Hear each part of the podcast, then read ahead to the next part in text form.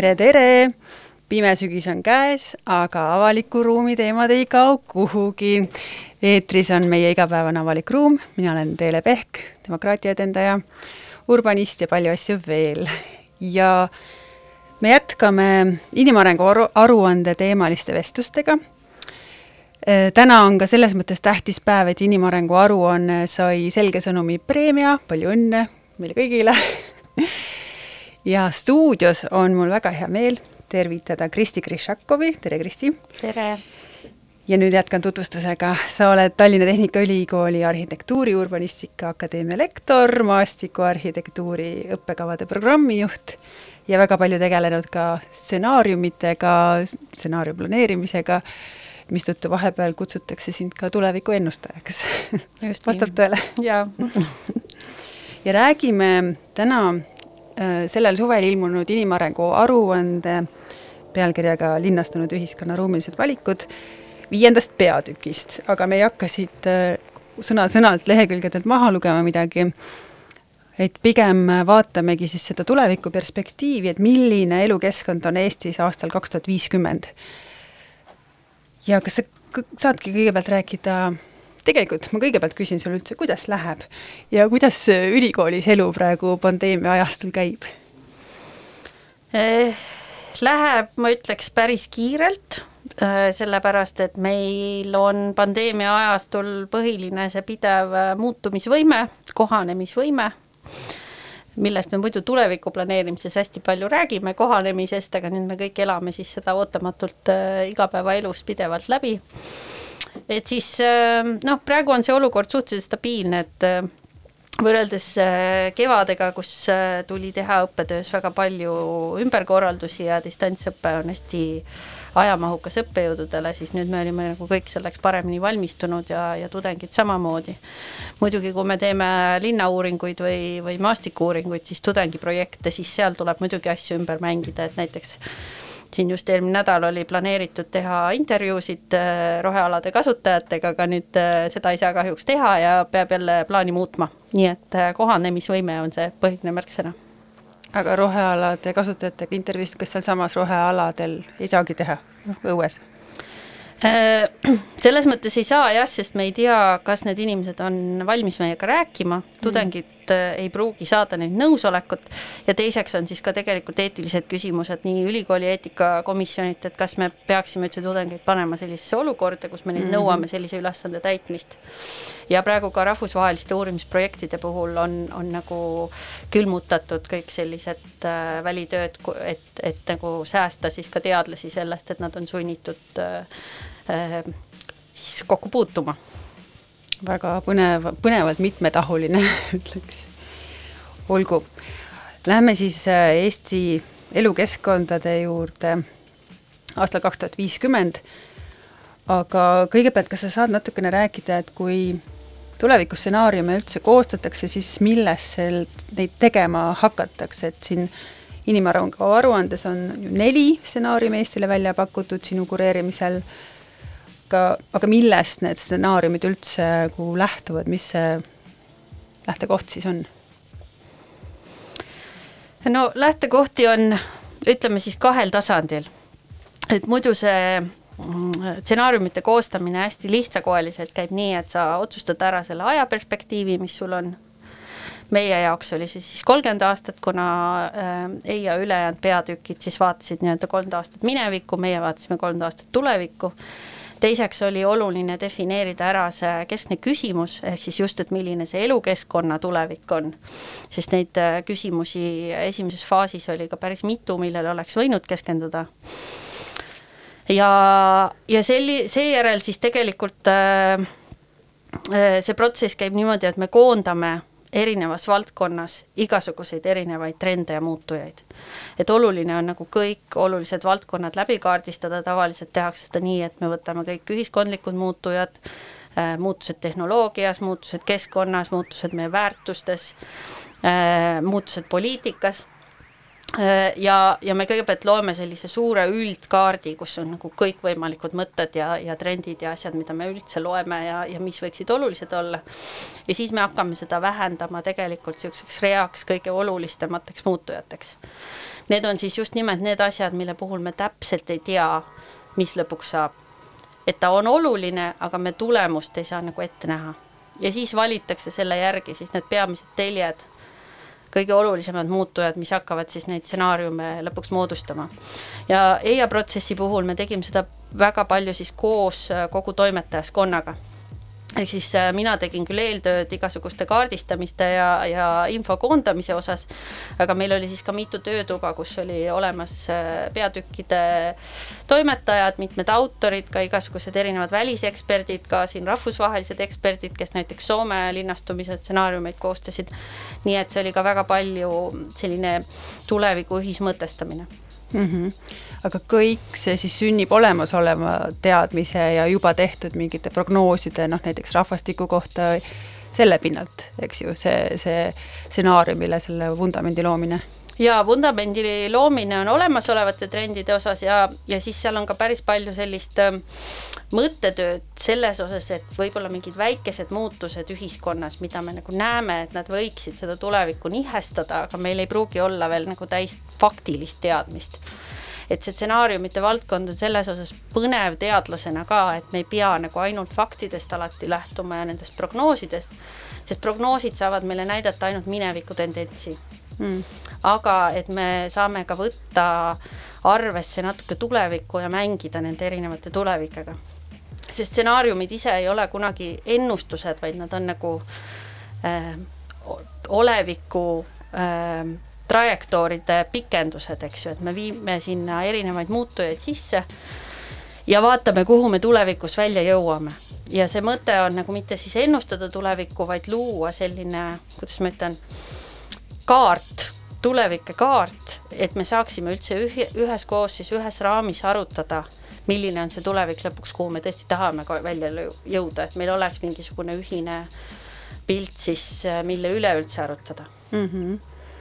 ja nende selle või selle tulevikukaardini me jõuame varsti, aga käime äkki põgusalt üle need põhisuundumised siis, mis, mis jäid pinnale äh, stsenaariumite loomise jaoks, kui need kõige olulisemad või siis kui need ähm, väiksed trendid, mis võiksid ühiskonda lõhestada või nihestada, kuidas sa ütlesidki, on ju, et eriti kui me võtame fookusesse äh, keskkonna ja kliimakriisid, siis sellest vaatest mida sa välja tooksid põhisuundumustena? no need põhisuundumusi, ma võib-olla kõigepealt alustan sellest, et nende suundumuste kokkupanek oli ka keeruline sellepärast, et kui me räägime kogu sellest elukeskkonnast, et siis see käib mitmel tasandil, ruumilisel tasandil, ka stsenaariumid ise meil toimivad põhimõtteliselt kahel tasandil, et kõigepealt, mis Eesti elukeskkondadega üldiselt juhtub, et milline on see regionaalne pilt, regionaalne areng. Ja siis need trendid, mis mõjutavad seda. Ja siis, mis seal erinevates elukeskkondades koha peal muutub ja seal on need küsimused ja, ja ka peamised muutujad natuke teistsugused, sest see ruumiskaala on oluliselt intiimsem, eks ju, ja isiklikum. nii et esimene keeruline ülesanne meil oligi võib-olla sellepärast see ka valik teha, et, et kuidas me need mõlemad osad saaksime kaetud.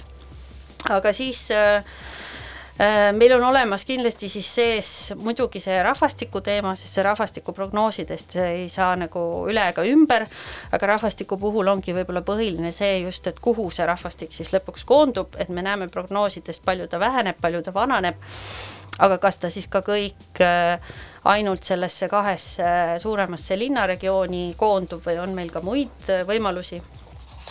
teiselt poolt ka sellega seotult siis, et et mis meil toimub siis ka nende suurte linnaregioonide sees. et näiteks siis seesama ta, Suur-Tallinna küsimus, et äh, kuidas läheb sellel nii-öelda kuldsel ringil Tallinna ümber ja kas seal on need erinevad piirkonnad siis Tallinnas ja ka Tallinna ümber arenevad võrdselt või jääb mõni nendest ebavõrdsesse olukorda näiteks, et siis jõukus ja kõrgemad palgad koonduvad siis nii-öelda jõukatesse eeslinnadesse ja, ja Tallinna sisse, välja arvatud siis võib-olla kesklinna, jäävad pigem madalapalgalised. siis üheks teemaks oli ka kindlasti liikuvus. liikuvuse ma võib-olla võtaks kokku siis nii äh, Äh, riiklik liiklus või ri, liikuvus äh, või siis erinevad taristuinvesteeringud, mis siis puudutas peamiselt äh, mõtteid selle üle, kuidas me ikkagi saaksime kiired rongiühendused või kiired ühistranspordiühendused siis üle kogu riigi. siin on muidugi üks küsimus kohe ka Rail Balticuga seoses, et kas Rail Baltic siis äh, Ehm, kui ta tuleb, et kas ta siis äh, toetab rohkem kogu Eesti regionaalset arengut, kas seal saavad olema maakondlikud peatused ja millal need tulevad, või ta jätkuvalt toetab siis ainult äh, Tallinna edasist äh, kasvu ja võib-olla siis Pärnut seal kõrval.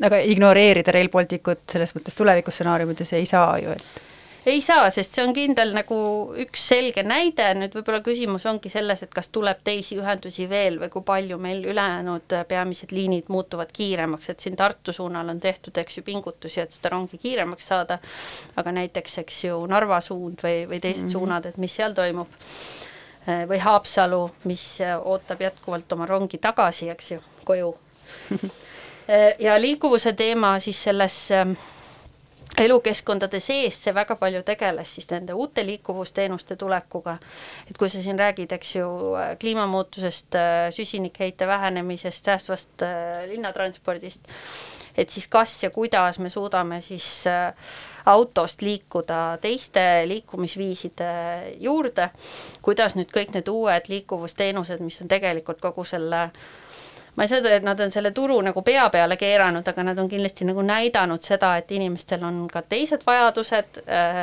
ja, ja see olukord võib väga kiiresti muutuda sa pead siin silmas seda mikromobiilsust, renditõuksi, rendirattad, kõik seda? just mm, -hmm. ja ka autorent, eks ju, mis on nüüd äh, hästi hooga ka käima läinud, eks mm -hmm. ju mhm ja, ja see tegelikult äh, on kõik nagu viie aasta jooksul väga-väga kiiresti muutunud, et me näeme hoopis teist pilti.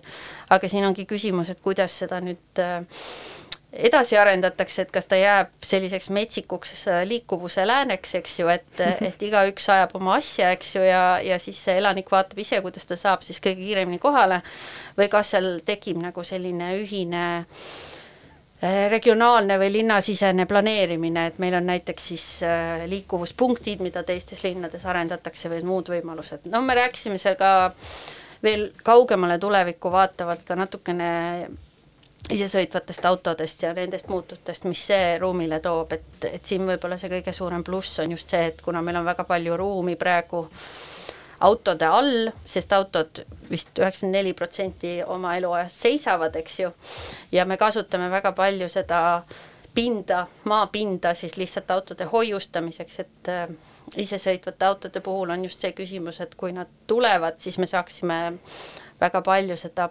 parklate pinda võib-olla millekski muuks kasutada tulevikus ma toon siin ühe fakti lihtsalt teema kohaselt välja, et Tallinnas oli kahe tuhande viieteistkümnendal aastal keskmine kulu sõiduautole kakssada viiskümmend üheksa eurot kuus, ehk siis auto omamisest tekkiv selline kulu. ja, ja meil on Tallinnas linnaosasid, kus see on äh, kuussada eurot kuus. Mm see on siis väike summa, olgu. aga, aga palun jätka põhisuundumustega, kui sa tahad veel midagi välja ehm. tuua.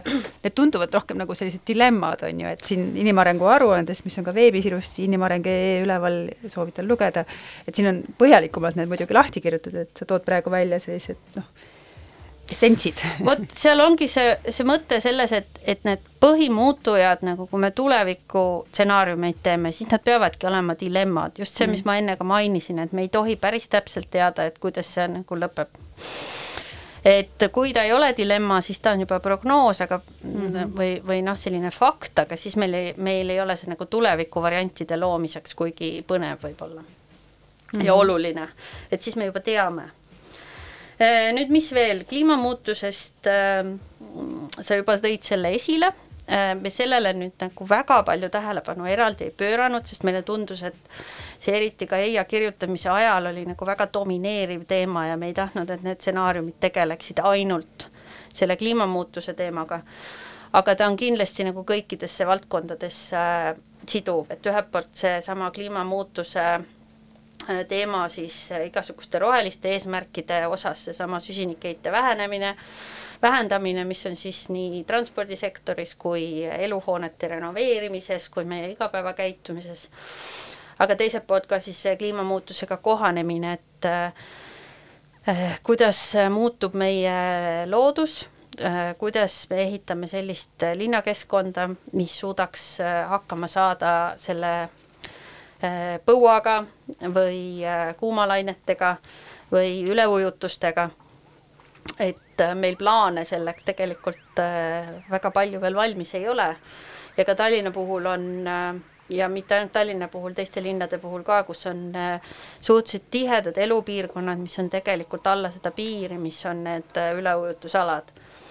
Ehk siis kas me näeme sellist tulevikku, kus inimesed on sunnitud sealt lahkuma või me peame hakkama Läänemerele mingisuguseid suuri tõkkeid ehitama, et seda veetaset reguleerida, noh, see on nüüd juba selline natukene utreeritud ja võib-olla kellegi jaoks veidi ulmeline, aga see on see, me proovisime just tähelepanu pöörata siis sellele, kuidas need trendid võivad ruumi mõjutada mm, -hmm. sest me sageli räägime nendest trendidest üleüldiselt, mitte seoses elukeskkonnaga. Ja siis ähm, veel siis küsimusi, üks on kindlasti ka terviseküsimus, et et äh, milline on selle elukeskkonna roll meie terviseharjumuste juurutamisel, me oleme juba liikuvusest siin tükk aega rääkinud, et seal on nagu selge seos, aga me nüüd ka nägime seoses selle tervisekriisiga eriti teravalt seda, kuidas see meid ümbritsev äh, haljasalad, avalik ruum, äh, rohevõrgustik, et kuidas see muutus, noh, see oli tõesti nagu elutähtsaks järsku, mida me võib-olla varem nii palju tähele ei pannudki ja siis äh, natukene mõtlesime ka selle peale, mida siis need äh, uued põlvkonnad võiksid äh, linnaelult oodata. et selge on see, et nad paljude prognooside kohaselt on palju liikuvamad. Neil on tavaliselt vähem huvi selle vastu, et nad omavad midagi et nad investeerivad omamisse, vaid nad eelistavad investeerida siis kogemustesse. mis tähendab, et see ja see kehtib nii liikuvuse osas, et nad ei taha autot omada või nad ei taha maja omada. Nad pigem äh, tahavad saada kogemusi ja nad ka just sellelt elukeskkonnalt eelkõige ootavad kogemusi ja sotsiaalset suhtlust Äh, ja muidugi noh, töösuhete teisenemine ja kaugtöö, sellest me ei pea enam üldse rääkima, sellepärast et äh, kui me varem rääkisime sellest teoreetiliselt EIA tööd koostamise ajal, siis nüüd me räägime sellest äh, noh, kui igapäevaelu osast juba. Kuigi EIA esitlusel, mis oli siis suvel, seda sai päris palju ka arutatud, et tegelikult see aeg ka näitas, et kui üks leer siis koroona ajal tõstis seda esile, et näe, nüüd me saame kõik hajaasustusse kolida ja sealt distantsilt töötada, siis tegelikult me vaatasime, et infrastruktuuri osas me ei ole valmis veel seda tegema. ehk siis muidugi inimesed saavad minna oma maakodudesse ja seal olla, aga kui neil on vaja siis samal ajal ka kiiret internetiühendust ja teisi teenuseid, siis neid ei ole veel seal kohal mm,. igas Eesti nurgas. igas mõttes. Eesti nurgas mm, -hmm. jah mhm. ja see EIA, mida sa kogu aeg mainid remargina, see ei ole EIA jõulud tondikakul, vaid EIA ongi lühend siis Eesti inimarengu aruandest ja need, kes on sinna kirjutanud, panustanud, räägivad ainult on, EIA keeles. see on meie hellitusnimi, jah kas äh, paneks nende põhisuundumuste peale praegu punkti? ma paneksin praegu punkti jah, sest äh, on üks oluline suundumus, mis seda avalikku ruumi puudutab, aga, aga kuna see on ka üks nendest olulistest telgedest, siis ma siis me seda saame, ma arvan, nüüd eraldi käsitleda mm -hmm. lausa. kuulamegi siis väikese muusikapala ja siis siirdume nelja tulevikustsenaariumi juurde.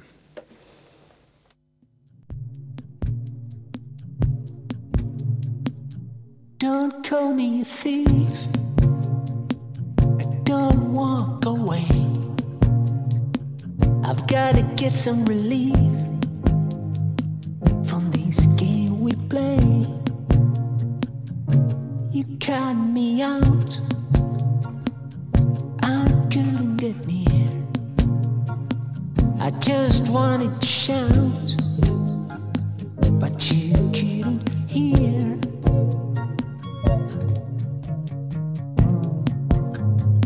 So lost in my mind. I'm just trying to be kind. I'm not asking for more.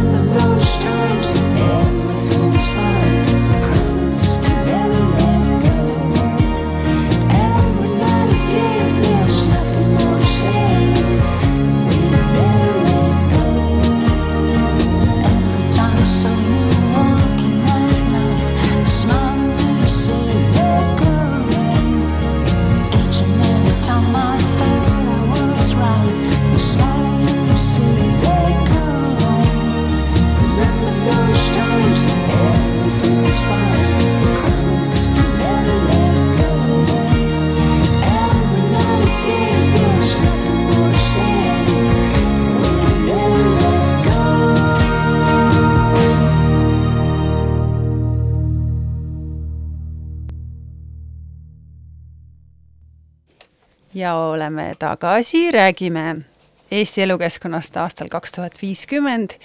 Ja nüüd hakkame Kristi Krišakoviga siis jõudma nelja stsenaariumini, mida inimarengu aruanne välja toob, et kuhu suunas meie igapäevane elukeskkond, meie ruum, meie ka regionaalpoliitika võiks suunduda.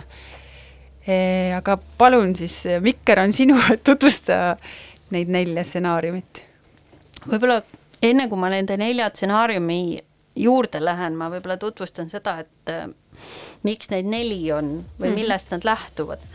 ehk siis ma siin varem ka mainisin juba sellist sõna nagu, nagu teljed, eks ju. et see neli stsenaariumit moodustub siis tegelikult kahest teljest, mis on omavahel risti. ja need on siis äh, need äh, toimetajaskonna ja minu poolt otsustatud siis nagu kõige olulisemad äh, muutujad, mis meie tuleviku elukeskkonda kõige rohkem mõjutavad. nüüd see üks telg ei ole võib-olla üllatav, selle ühes otsas on äh, elu linnas ja, ja teises otsas on elu maal. see telg on äh, selles mõttes pühendatud siis Eesti äh, regionaalpoliitikale või, või Eesti erinevate keskkondade tulevikule. et kas me rahvastikuna või elanikena koondume siis rohkem linnadesse, kas need saavad olema erinevad linnad või peamiselt ainult üksikud suuremad linnad või siis meil on ikkagi erinevad elukeskkonnad üle kogu Eesti ja, ja ka hajaasustuses, eks ju. et kõiksugu alevid ja külad ja, ja, ja asjad ja nüüd see teine telg on võib-olla natukene selles mõttes äh, keerulisemalt hoomatavam, eriti nende jaoks, kes igapäevaselt äh, võib-olla avaliku ruumi teemadele ei mõtle. ja, ja teiselt poolt see telg tuli ka väga palju läbi selle, et äh, inimarengu aruanne äh, esimene pealkiri oli, eks ju, demokraatia avalik ruum. ja me väga palju mõtlesime just selle teema peale, et kuidas üldse avalik ruum ja demokraatia on omavahel seotud, et, et kuidas me seda sidet äh, seletame, eks ju. ja, ja muidugi kõik, kes on ajalootunnis käinud, nemad teavad, eks ju, et sul on äh, antiiklinnad, kus demokraatia sündiski ja seal oli nagu see väga selgelt tegelikult see avalik ruum ehk siis see foorum oligi see koht, kus sa tuled kodanikena kokku ja otsustad siis äh, selle üle, mis sinu riigis või linnriigis siis edasi hakkab saama. ja me nagu väga selgelt saame aru, et, et sul ongi see füüsiline koht seotud ka selle otsustusprotsessi ja ühiskonna dialoogiga omavahel. võib-olla nüüd see on muutunud natuke segasemaks, sest see dialoog käib meil ka ähm, internetis ja võib-olla me väga harva näeme seda dialoogi niimoodi füüsiliselt avalikus ruumis, kui mõned protestid või, või niisugused rongkäigud välja arvata või, või minu jaoks alati ilus näide on näiteks äh, laulupidu, kus me tuleme kokku sellesse ühte füüsilisse ruumi ja see on ka nagu traditsioon ja selline üksmeele ja koosmeele avaldus. Äh, ja miks see telg siis, sellel teljel on kaks otsa, üks see ots on individuaalne ruum ja teine see telje ots on äh, jagatud ruum.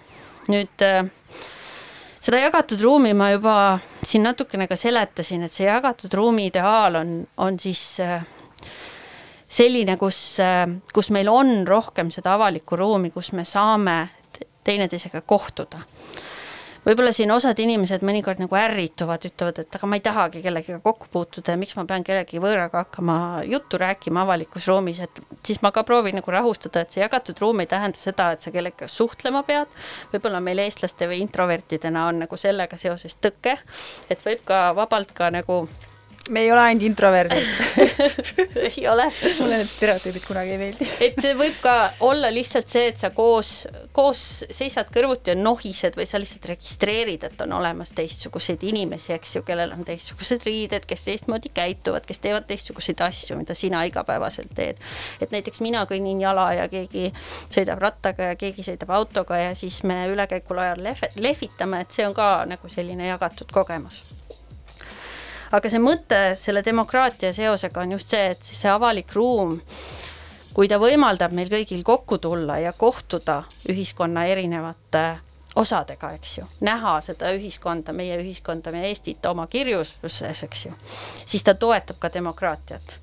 et me ei kapseldu nagu oma sellistesse kõlakodadesse, nagu väga palju sotsiaalmeedia puhul on ette heidetud aga kas see telg, noh, elu linnas, elu maal on suht arusaadav telg, on ju, elukoha valik, aga individuaalne ruum, jagatud ruum, kas see individuaalne ruum on siis ainult see, et inimesed toimet-, toimetavad kinnistes ruumides ja üldse ei kohtu või, või mis see äärmus see seal on? põhimõtteliselt see äärmus individuaalse ruumi puhul on tõesti midagi sellist, mis sa just mainisid. see tähendab ühelt poolt seda, et, et sul on väga selge äh, eraldatus ühiskonnaklassides siis ruumiliselt, kus nad paiknevad, et kellel on kõrgem sissetulek, nemad elavad ühes piirkonnas, neil on seal ühesugused tingimused, eks ju. kellel on madalam sissetulek, siis see on koondunud teistesse piirkondadesse ja igaüks kohtub ainult oma äh, seisusele nii-öelda vastavate isikutega mm. -hmm. mistõttu me ei tea, kuidas see teine pool elab mm. -hmm. kui me ei räägi nüüd konkreetselt elupiirkondades, siis me võime rääkida ka sellest samast näiteks auto äh, kasutamisest, eks ju. mis on ka mingis mõttes selline individuaalne liikumisviis, kus me tahame nagu oma sellises ruumis viibida ja mitte nagu selles äh, tänavaruumis kõik ühiselt liik-, liikuda, et meil on mingi barjäär seal vahel, eks ju.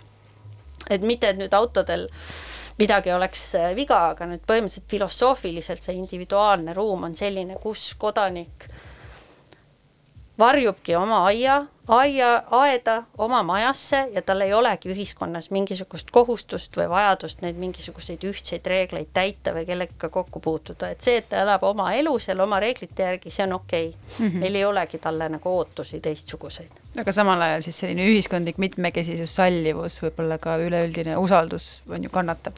kuna inimesed ei kohtu juhuslikult. sest sa ei teagi, kuidas keegi teine mm -hmm. elab mm. -hmm. ja, ja need teljeotsad, ma ütlen, nad on mingis mõttes nagu filosoofilised, sest nad on kaks äärmust ja nad päriselus tavaliselt nii suured äärmused ei ole äh,. nii et see telg on nagu väga selgelt otsibki niisugust kuldset keskteed, et need stsenaariumid ka toovad neid ekstreemsusi ühe noh, niimoodi natuke võimendatult välja. aga et päriselus me kindlasti proovime sinna vahele kuskile jõuda, et sul oleks oma isiklik ruum ja mingi vabadus äh, oma valikute tegemisel, aga samas, et sa oleks ikkagi osa sellest kogukonnast, et sa panustaksid, et sa tahaksid ka vastutada ja panustada. mitte, et sa ainult ei tegele oma asjadega ja ühesõnaga minu tuba, minu luba mm -hmm. põhimõttel Nonii, kas põristame nüüd trumme, et mis need neli stsenaariumit on, pool tundi oleme siin soojendust teinud teile jah, et ähm, võib-olla ma räägin siis ähm, äh, sellises äh, järjekorras, et kõigepealt, kui me võtame nüüd need linnatsenaariumid, et kus on elu linnas, siis seal äh, esimene stsenaarium ja võib-olla kõige sellisem äh, kuidas kurba, kurvemates värvides tulevik või äh,, on siis äh, vabatahtlikult linnadesse sunnitud Eesti. see stsenaarium on selles mõttes äh, ta on selline stsenaarium, kus me oleme kõik koondunud siis äh, ühte või kahte suurlinna aga need suurlinnad on sisemiselt väga killustunud, ehk siis äh, meil ongi piirkonnad, kus elavad jõukamad inimesed, kus on äh, parem äh, ilusad haljasalad ja head teed ja inimesed on terved ja sportlikud ja naeratavad ja, ja neil on väiksem trassitase ja suurem õnnetunne. ja siis meil on teised piirkonnad, kus kus kõik need toredad näitajad puuduvad ja inimesed tulevad vaevu ots otsaga kokku ja, ja nende tervis ei ole samamoodi äh, kiita äh,. nüüd see stsenaarium on äh, kindlasti tavaliselt selline, mida keegi ei taha, aga me ka ekstra selle sinna sisse panime, sest see stsenaarium koosneb tegelikult nendest trendidest äh, või muutujatest, kuhu me tegelikult praegu prognooside osas teel oleme. Mm.. ehk siis Suur-Tallinn ja ka just ka tervisenäitajate ruumikasutuse osas selline väga ebavõrdne ühiskond. Ja ma loen, Mihkel Kaevats on, on ju kirjaniku ja stsenaariumi kirjutajana, on need neli stsenaariumi väga muhedasse keelde ka pannud, siin on näiteks kirjas, et ühiskonda vaevavad elustiilihaigused, kuivõrd puudub toetav küünarnukitunne, siis tunneb suurem osa eestimaalasi end üksikuna selle vabatahtlikult linnadesse sunnitud Eesti puhul ja iga stsenaariumi juures on ka sellised ähm, noh, andmed või see, et rahvastik linnades, kui suur kontsentratsioon, varanduslik kihistumine, selle puhul väga suur, ruumiline killustatus suur, hea avalik ruum on ainult privile-, priviligeeritutel ja, ja muud sellised näitajad. Et äh, see ei ole üldse pikk kirjeldus, see on kokku alla ühe lehekülje isegi ja see on nüüd võib-olla väike kõrvalepõige siin nendest stsenaariumitest, aga me jah, tõesti püüdsime seekord tagada seda, et need stsenaariumi tekstid oleks nagu lood, sest mm -hmm. nad peavadki olema alati nagu lood, et sa tõesti suudad selle tulevikuga suhestuda, tead nagu hea raamatuga, eks ju, et sa hakkad sellele nagu kaasa elama ja sa isiklikult saad aru, kuidas, kuidas see välja näeb, et ta mm -hmm. ei mhm. ole lihtsalt niisugune kuiv, tuim kirjeldus mm. -hmm. nii et jah, Mihkliga siis koostöös lõpuks õnnestus ja no äh, lisaks on juures ka kujundaja Karel Korpi illustratsioonid, et kõik, kõik see kokku on ju, annabki sellise hea ja. sisseelamise. ja see on suhteliselt erakordne ka teiste riikide ja linnade stsenaariumite puhul, sest et sageli ikkagi lõpuks muutuvad suhteliselt äh, kuivaks. Äh, ja meil oli natuke rohkem loomingu, loomingulist vabadust, nii et ma olen siin ka ütleme siis välismaa näidete osas suhteliselt uhke selle tulemuse mm. üle, mis me saavutasime, et, et ma arvan, et ta just niisuguse kommunikatsioonivahendina, et me tõesti saaksime tuleviku üle arutada, on nagu väga hästi välja tulnud. noh, nüüd on ju inimarengu aruanne inglise keeles ka, et siis saab seda ka rahvusvaheliselt lennutada ja sellega lehvitada. just no nii, lähme teise stsenaariumi juurde. aga teine linnaline stsenaarium on siis äh, ühe tunni Eesti ühe tunni Eesti on siis äh, selline, et seal ei ole nüüd ainult äh, üks-kaks äh, suurlinna, vaid seal on nagu rohkem väiksemaid keskuseid, et kas me ütleme siis noh, viis linna või kuus linna või me ei hakka seda nii hirmsasti määrama, aga põhimõtteliselt sul on ikkagi valik suhteliselt suur, erinevates Eesti otstes on need niisugused tugevad linnalised keskused meil on selles stsenaariumis väga hea ühistranspordiühendus nende peamiste keskmis, keskuste vahel, mistõttu ka siis see nimi, see Ühe tunni Eesti. ja samamoodi siis need äh, keskused või linnad ise on siis äh, on, nad on rohelised, nad on inimmõõtmelised, nad on äh, inimeste tervist ja sotsiaalset suhtlust toetavad, aga nüüd selline, ma ei, ma, ma ei saa öelda, et see on nagu tõrvatilk, aga see on nagu oluline asi märgata, et ta ei oleks selline kollektiivne utoopia, eks ju, kõik need stsenaariumid, mis selles kollektiivses äh, suunas või jagatud ruumi suunas on, on see, et nendes stsenaariumites on alati ka elanikel endal vastutus, ehk siis ka siin Ühe tunni Eestis me räägime väga palju sellest, kuidas ka kogukond ise nendes linnades ja asumites teeb teatud tegevusi, et nad on võtnud osad nende teenuste pakkumise või või, või muu kogukondliku tegevuse üle. sest äh, me ei saa ka oodata, et, et riik või omavalitsus kõiki neid teenuseid äh, pakub, nii et siin jagatud ruumi osas on alati ka kogu, inimeste enda vastutusele rõhutud ja inimeste enda aktiivsusele mm. -hmm. no suht sümpaatne ju. ja siin selle Ühe tunni Eesti stsenaariumi siis andmestiku juures on ka, et säästva arengu eesmärgid oleme maailmas eeskujuks sellisel juhul siis äh, nüüd, kui me läheme sinna elumaal stsenaariumite poole, siis seal see individuaalne ruum ja elumaal äh,, selle nimi on meil siis krattide ja marakrattide Eesti äh,. ta on selles mõttes ikkagi suhteliselt ebavõrdne stsenaarium äh,. mõned on selle kohta ka öelnud, et see on nagu, tundub neile nagu Eesti praegu stsenaarium mm. Et on mingid kohad, äh, kus elu käib ja on innovatsioon ja eesrindlikkus ja nii äh, tööstuses kui põllumajanduses kui, kui äh, igasuguses kohalikus ettevõtlik-, võtluses katsetatakse uusi asju ja tehnoloogiaid ja, ja ollakse väga eesrindlikud.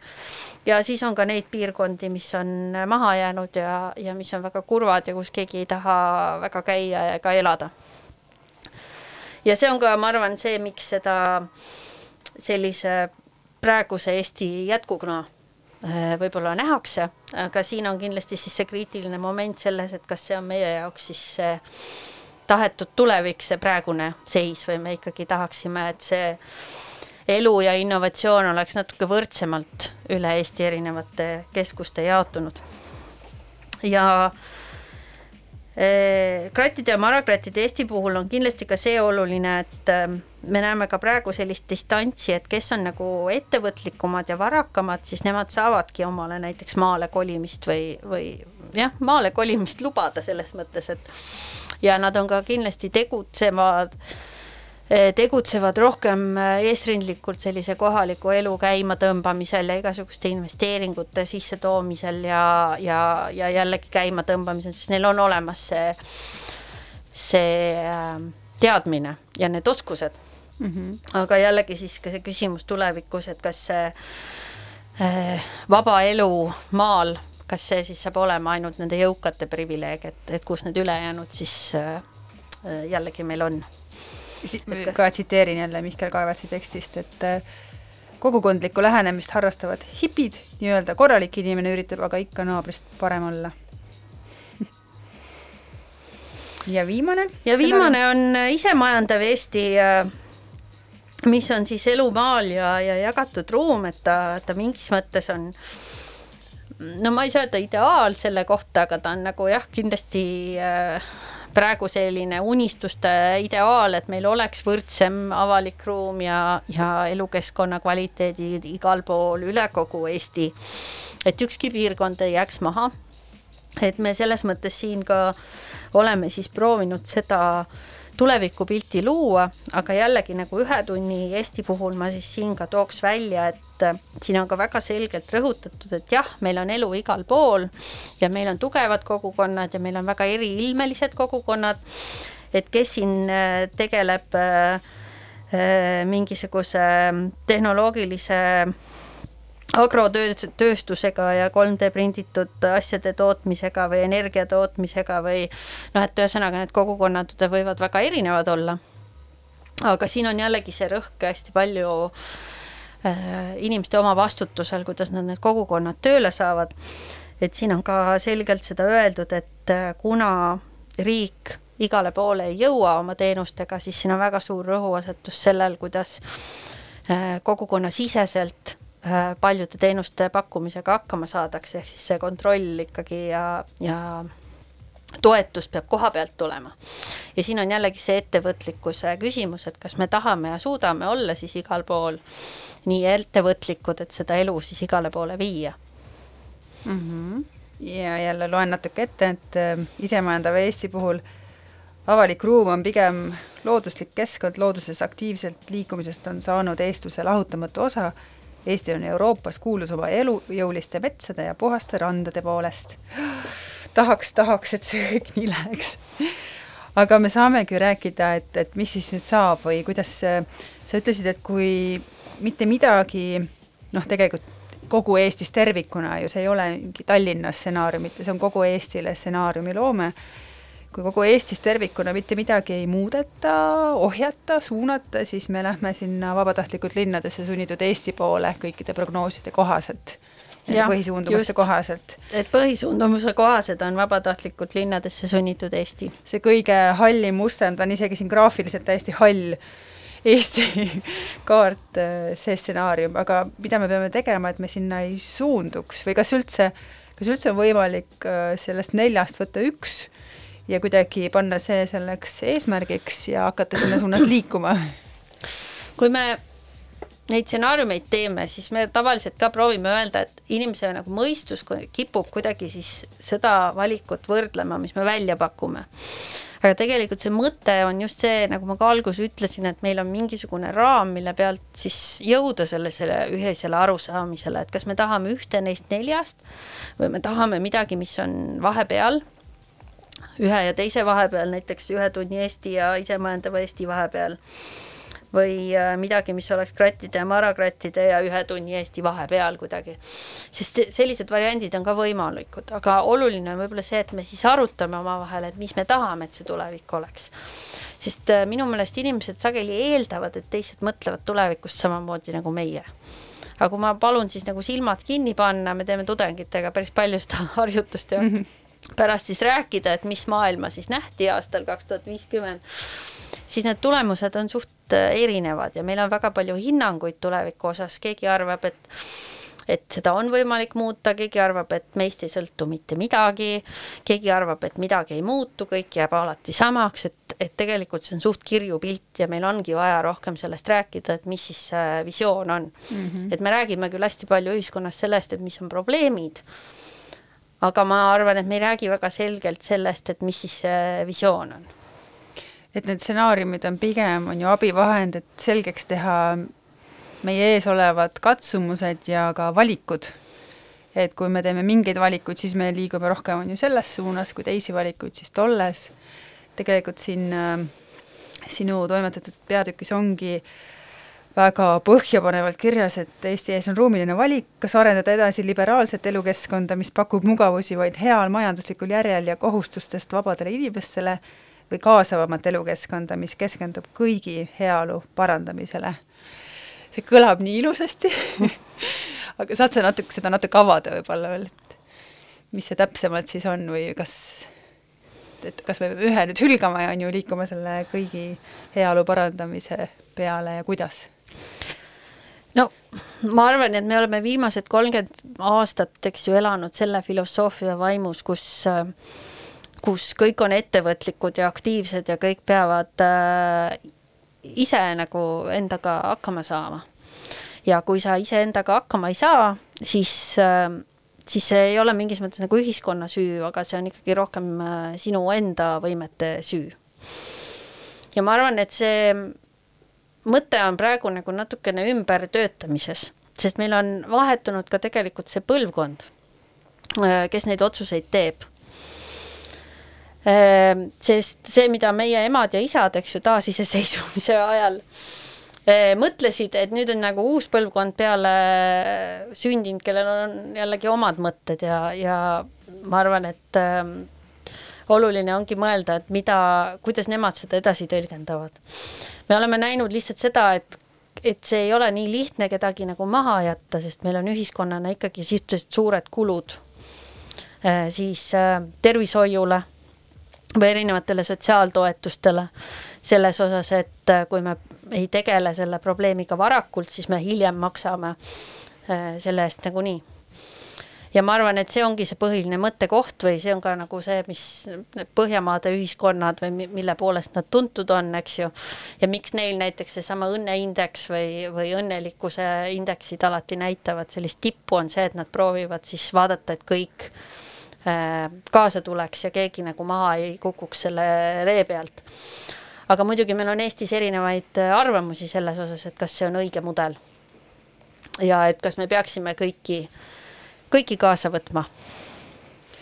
aga kui vaadata seda avaliku ruumi vaatest, siis siin on väga hästi välja toodud, et äh, kaks erinevat lähenemist avalikule ruumile niimoodi lihtsustatult on, üks on liberaalne käsitlus, teine on kogukondlik.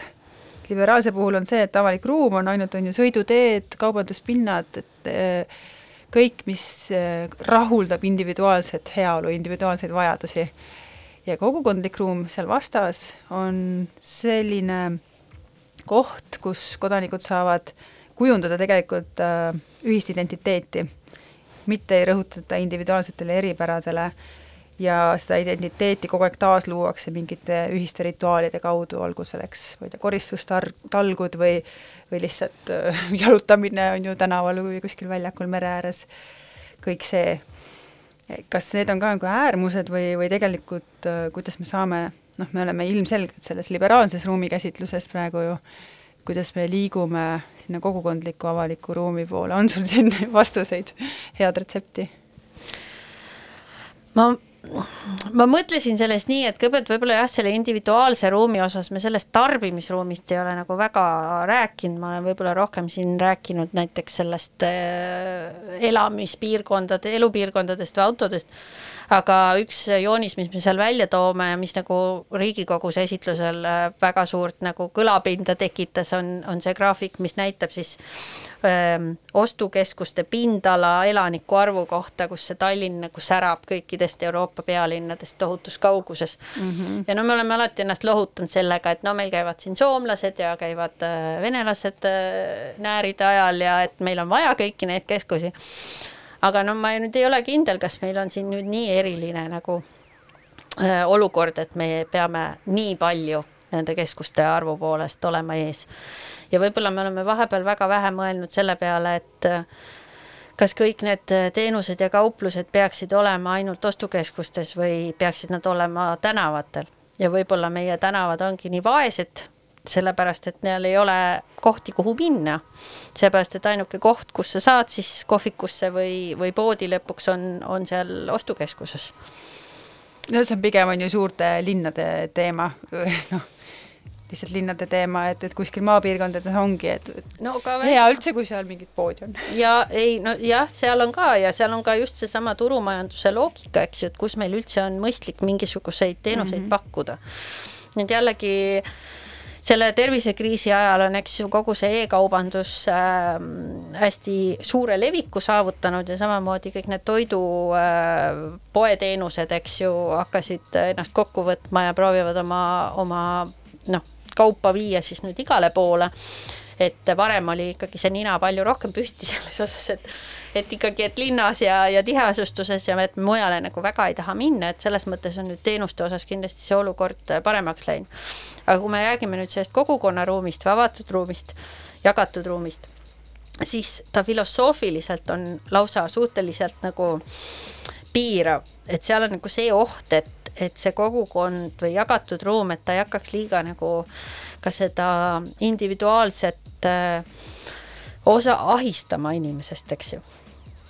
Et seal on oluline see vastutus, see, et sa oma äh, kogukonna jaoks annad midagi tagasi, kas sa teed siis, oled seal oma kogukonna aias või sa, ma ei tea, osaled mingisugustes teistes asumisündmustes või sa oled lihtsalt oma ühistus, käid ühistu koosolekutel kohal see on ka nagu jagatud ruum, see, et sa lihtsalt tuled omanikuna kohale ja seda teevad väga vähesed inimesed, et alati on üks suur pingutus seda kvoorumit kokku saada. Need koosolekud on ju nii tüütud. jah, et kasvõi need niisugused väiksed asjad, et et, et me nagu selle oma lähima kortermaja koosolekule isegi ei taha minna, et rääkimata siis mingisugustest teistest äh, kohtadest aga jah, et seal on kindlasti oluline see, et, et just see vastutus, et mis on minu roll äh, selle elukeskkonna kujunemisel, et me saame aru, et me oleme ju kõik otsapidi selle omanikud et meil on ka mingisugune roll selles, kas siis oma territooriumi, kas ühistu või, või korter, see maja territooriumi üle otsustamises või siis äh, omavalitsuselt asjade nõudmisel, sest meie, me oleme ju valijad ja meie maksuraha läheb sinna. Et siis see teadlikkus just oma võimetest, ma arvan, et on oluline.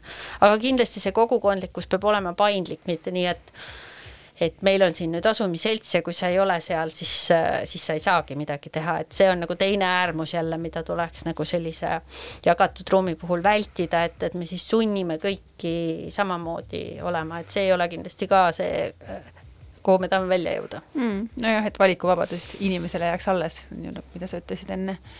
Sa mainisid, et Riigikogus tutvustamisel ja komisjonides äh, Äh, see kaubanduspindade proportsioon Tallinnas tekitas elevust, aga üldse, kuidas need stsenaariumid on poliitikakujundajate poolt vastu võetud ja kas nad on kuidagi muutunud selliseks abistavaks tööriistaks siis selliste ruumiliste ja noh, mitte ainult ruumiliste otsuste kujundamisel ja tegemisel?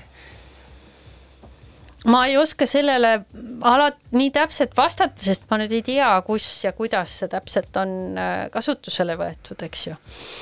Et kui me oleme nüüd rääkinud näiteks äh, Tallinna linna uuest äh, strateegiast, siis ma näen, et seal nagu on mingite nende mõtetega kaasa läid-, mindud vähemalt selles, kuidas see, see strateegia praegu on nagu siis kokku pandud ja, ja esitatud avalikkusele me käisime ka näiteks, eks ju, Sotsiaalministeeriumis rääkimas, meil on äh, Rahandusministeeriumis väga hea koostöö seoses Ähm, just nimelt siis selle planeerimisosakonnaga ja, ja kahanemise teemadega ja kuidas kahanemisega tegeleda ja kahanemist analüüsida.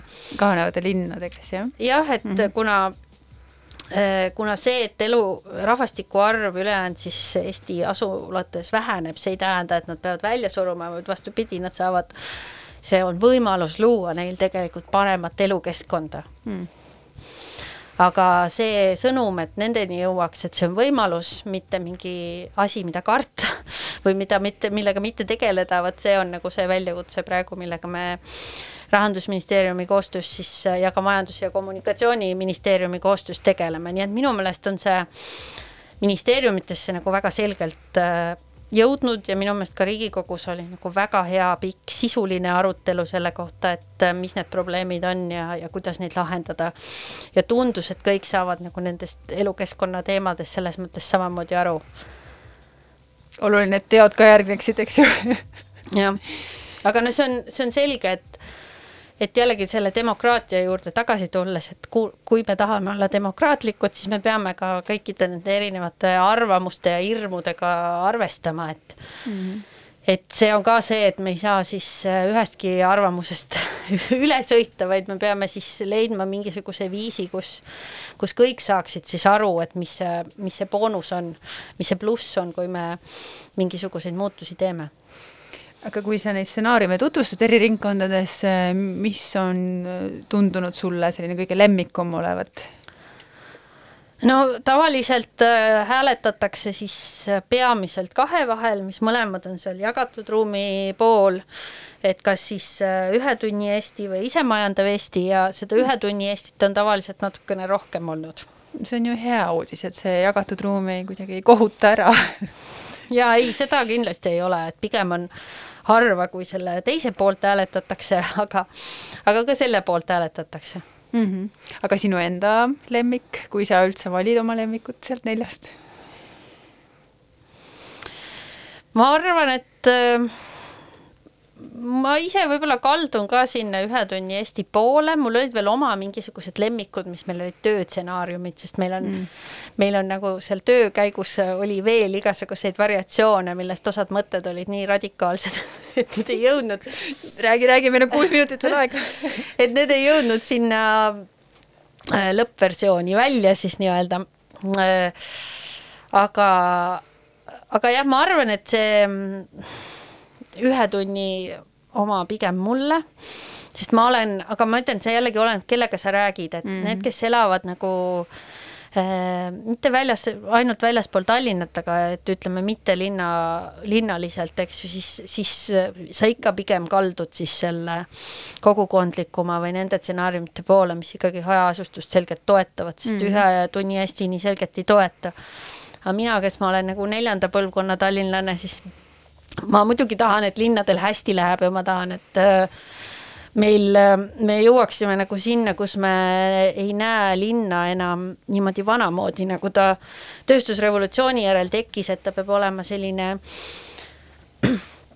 kivist linn, mis on hästi kuidagi tehniline ja, ja mingisuguseid erinevaid võrgustikke infrastruktuuri täis ja nagu hästi mehaaniline, vaid ma tahaks, et me leiaks nagu viisi, kuidas ka seda äh, looduskeskkonda ja elukeskkonna kvaliteete linna tuua mm. -hmm. et meil, meil ei oleks tulevikus niisugust vaimset pooldumist, mida ma rohkem ühiskonnas näen, et et nagu maal on see hea tervislik äh, elu, kuigi võib-olla teenused ei käi, aga ta on ikkagi niisugune õige keskkond, eks ju mm -hmm.. ja linn on mingi vastik koht, kus sa lihtsalt oled seni, kuni sa saad siis eeslinna kolida mm. -hmm. mis ei ole ju ka tegelikult äh, nagu maale kolimine vaid on lihtsalt eeslinna kolimine. no linnalise elustiili jätkamine lihtsalt natukene eemal on ju keskusest. ja et Kadri Leetmaa, kes on äh, ühe selle äh, inimarengu peatüki toimetaja, tal oli veel nii tore väljend vaimselt linnastunud mm. -hmm.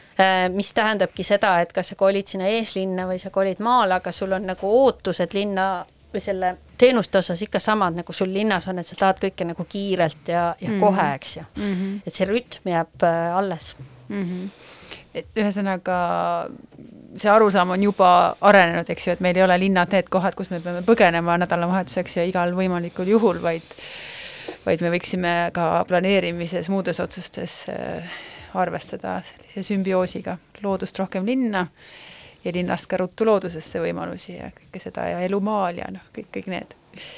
suurepärane. Äh, soovitame lugeda stsenaariume muidugi inimareng.ee lehelt, seal on äh, kas veebiversioonis on need visuaalid ka juures? jaa, jaa, võib ka alla laadida kodus Just. postrina välja printida, seinale panna. meil on väga tore üks, üks klassiõpetaja äh, Pärnust äh, palus meil ekstra suuruses postri saata, et ta saaks stsenaariumid välja printida ja, ja õpilastega arutada koolis. no vot, nii et saab ka suuremaid postreid, kes ja. tahab õppetegevuses kasutada. nii et võtke ühendust suur tänu sulle, Kristi, väga põnev oli ja siis äh, selle kogukondlikuma ruumi poole as it was for me to see your face today. I guess I knew that it would happen at some point. And I dreaded it because I knew that you would be so kind good at that, you've got it right down to a science.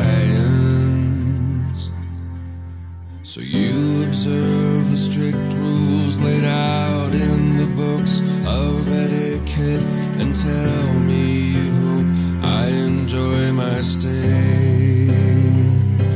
And I feel numb and I can't believe that I was stupid enough to leave my bed today so smart, then why is this happening?